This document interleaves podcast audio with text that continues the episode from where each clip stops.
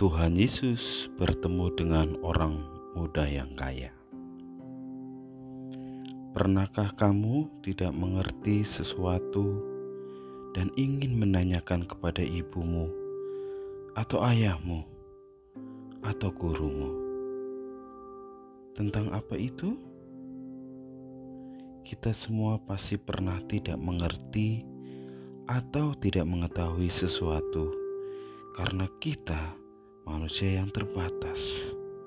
Kita tidak bisa mengetahui segala sesuatu, jadi sangat wajar jika kita sering bertanya, baik kepada orang tua atau guru. Di dalam Alkitab ada seorang pemimpin yang kaya, dan dia masih muda kalau disebut pemimpin, biasanya orang itu lebih banyak tahu dari orang lainnya. Karena pada zaman dulu, ketika Tuhan Yesus ada di dunia ini, seorang pemimpin biasanya adalah orang yang sudah belajar tentang hukum-hukum Allah yang ada di dalam kitab Taurat, kitab Mazmur, dan kitab para nabi yang kita dengar dengan sebutan Perjanjian Lama. Nah, kejadiannya adalah ketika Tuhan Yesus melanjutkan perjalanan. Waktu itu, setelah Tuhan Yesus selesai mengajar orang banyak, Tuhan Yesus bersama murid-muridnya melanjutkan perjalanan. Ada seorang muda yang kaya datang kepada Tuhan Yesus orang muda itu adalah seorang pemimpin. Banyak hal yang sudah dia ketahui, dan kemungkinan dia juga pernah mengajar orang lain. Tetapi, meskipun dia sudah jadi seseorang pemimpin dan sudah menjadi orang kaya, rupanya ada sesuatu hal yang dia tidak ketahui, dan itu ingin dia tanyakan kepada Tuhan Yesus. Orang muda ini pasti sudah mendengar tentang Tuhan Yesus, sehingga dia punya keyakinan bahwa Tuhan Yesus pasti dapat menjawab pertanyaan yang ada di dalam pikirannya, dan selama ini dia belum dapat jawabannya. Orang muda itu datang dengan berlutut di hadapan Tuhan Yesus dan dia bertanya, "Seperti ini, ayo kita buka Markus 10 ayat 17b. Guru yang baik, apakah yang harus kuperbuat untuk memperoleh hidup yang kekal?" Apakah kamu pernah punya pertanyaan seperti itu? Kamu tidak tahu bagaimana cara memperoleh hidup yang kekal? Tentu anak-anak yang sudah percaya kepada Tuhan Yesus sudah tahu jawabannya iya. Kamu dan saya dapat memperoleh hidup kekal dan percaya kepada Tuhan Yesus yang disalibkan dan bangkit pada hari yang ketiga. Tetapi pada waktu orang muda itu bertanya tentang hidup kekal, Tuhan Yesus belum disalibkan dan belum dibangkitkan. Jadi coba kita lanjutkan, dengarkan apa yang dikatakan Tuhan Yesus kepada orang muda itu. Tuhan Yesus menjawab, "Mengapa kau katakan aku baik? Tak seorang pun yang selain dari Allah saja." Benar anak-anak, hanya Allah saja yang baik. Kemudian Tuhan Yesus berkata lagi, "Engkau tahu mengetahui segala perintah Allah. Jangan membunuh, jangan berzina, jangan mencuri, jangan mengucapkan saksi dusta, jangan mengurangi hak orang, hormati ayahmu dan ibumu. Orang muda itu menjawab, Guru, semuanya itu telah kuturuti sejak masa mudaku. Wah, Orang muda itu mengatakan sudah melakukan perintah Tuhan sejak kecil. Benarkah?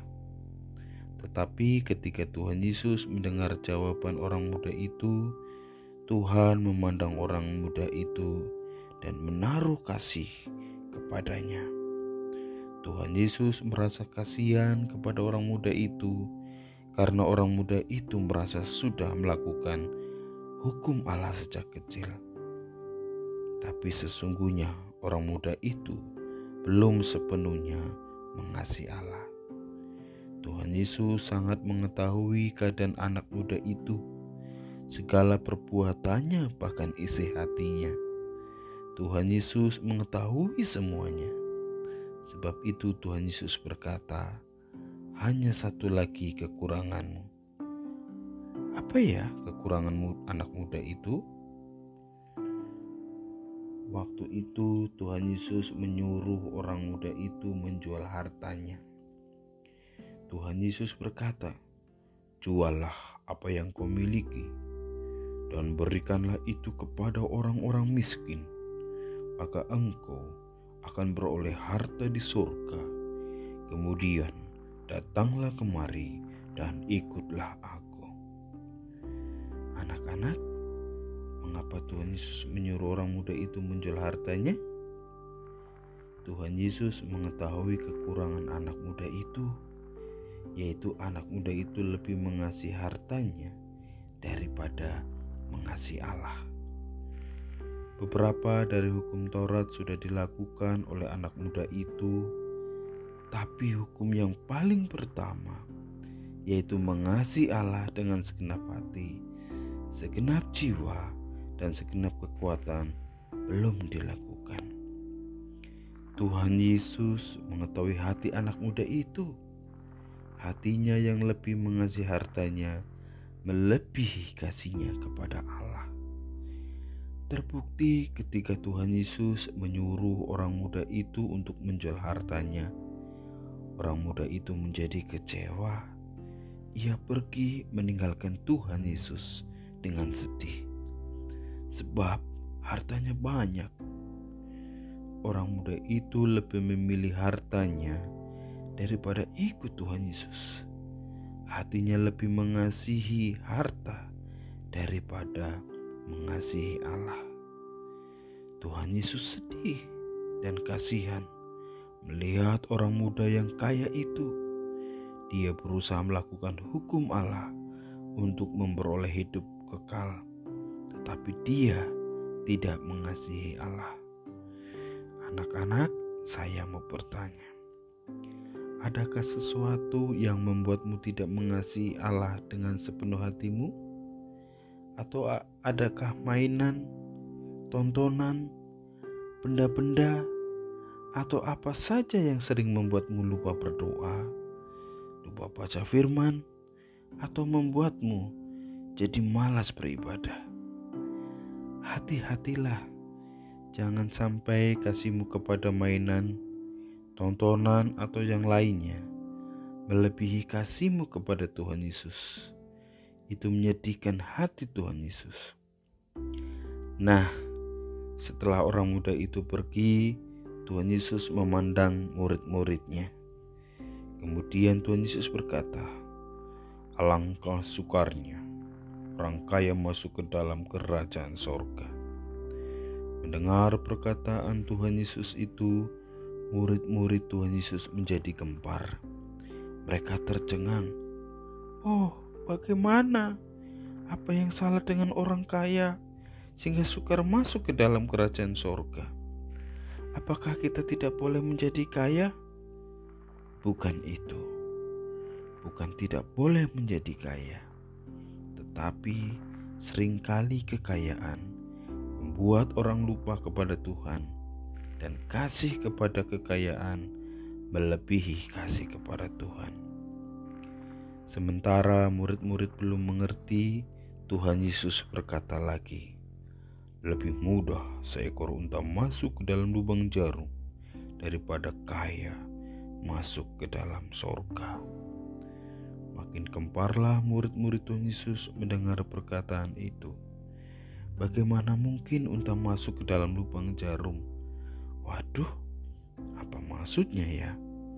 Tuhan Yesus sedang berkata-kata tentang sesuatu yang tidak mungkin dilakukan oleh manusia. Murid-murid tidak mengerti.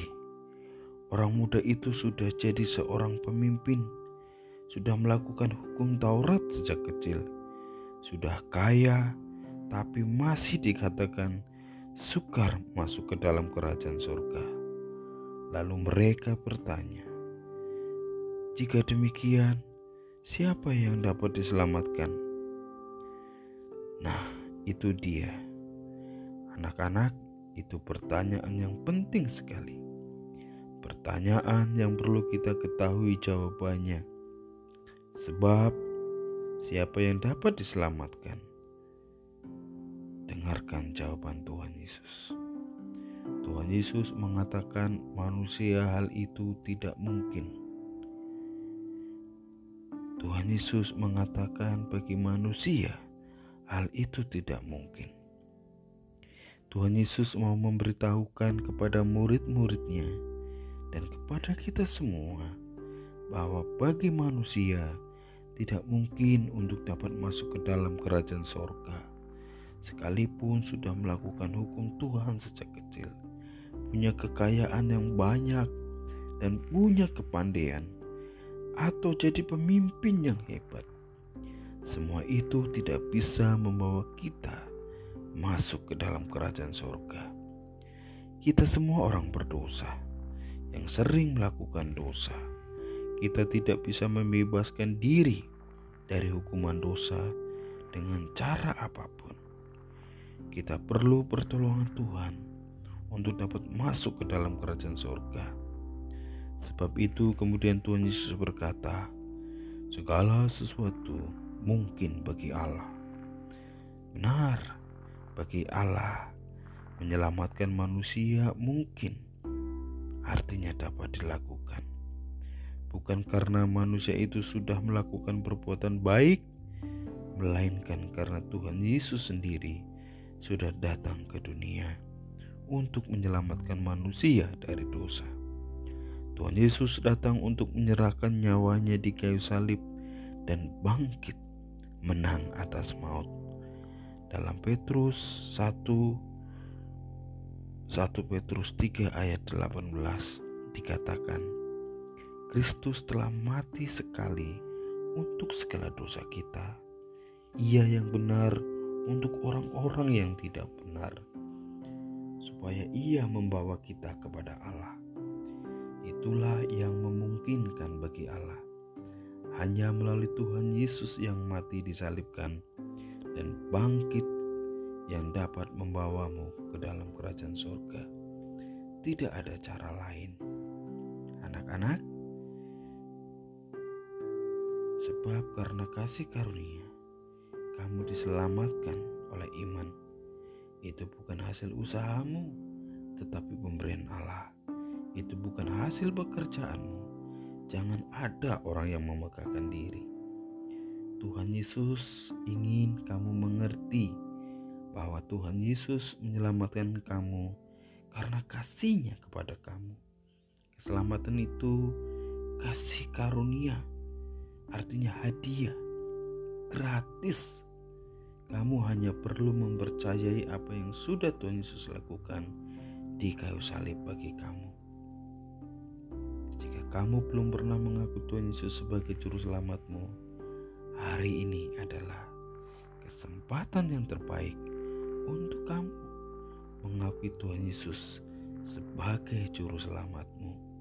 Kamu bisa mengatakannya dengan cara membuka hatimu Hiduplah sesuai dengan firman Tuhan. Lakukanlah firman Tuhan karena kamu sudah percaya kepada Tuhan Yesus. Nama Tuhan Yesus dimuliakan melalui hidupmu. Cerita ini ditulis oleh Ibu Rahel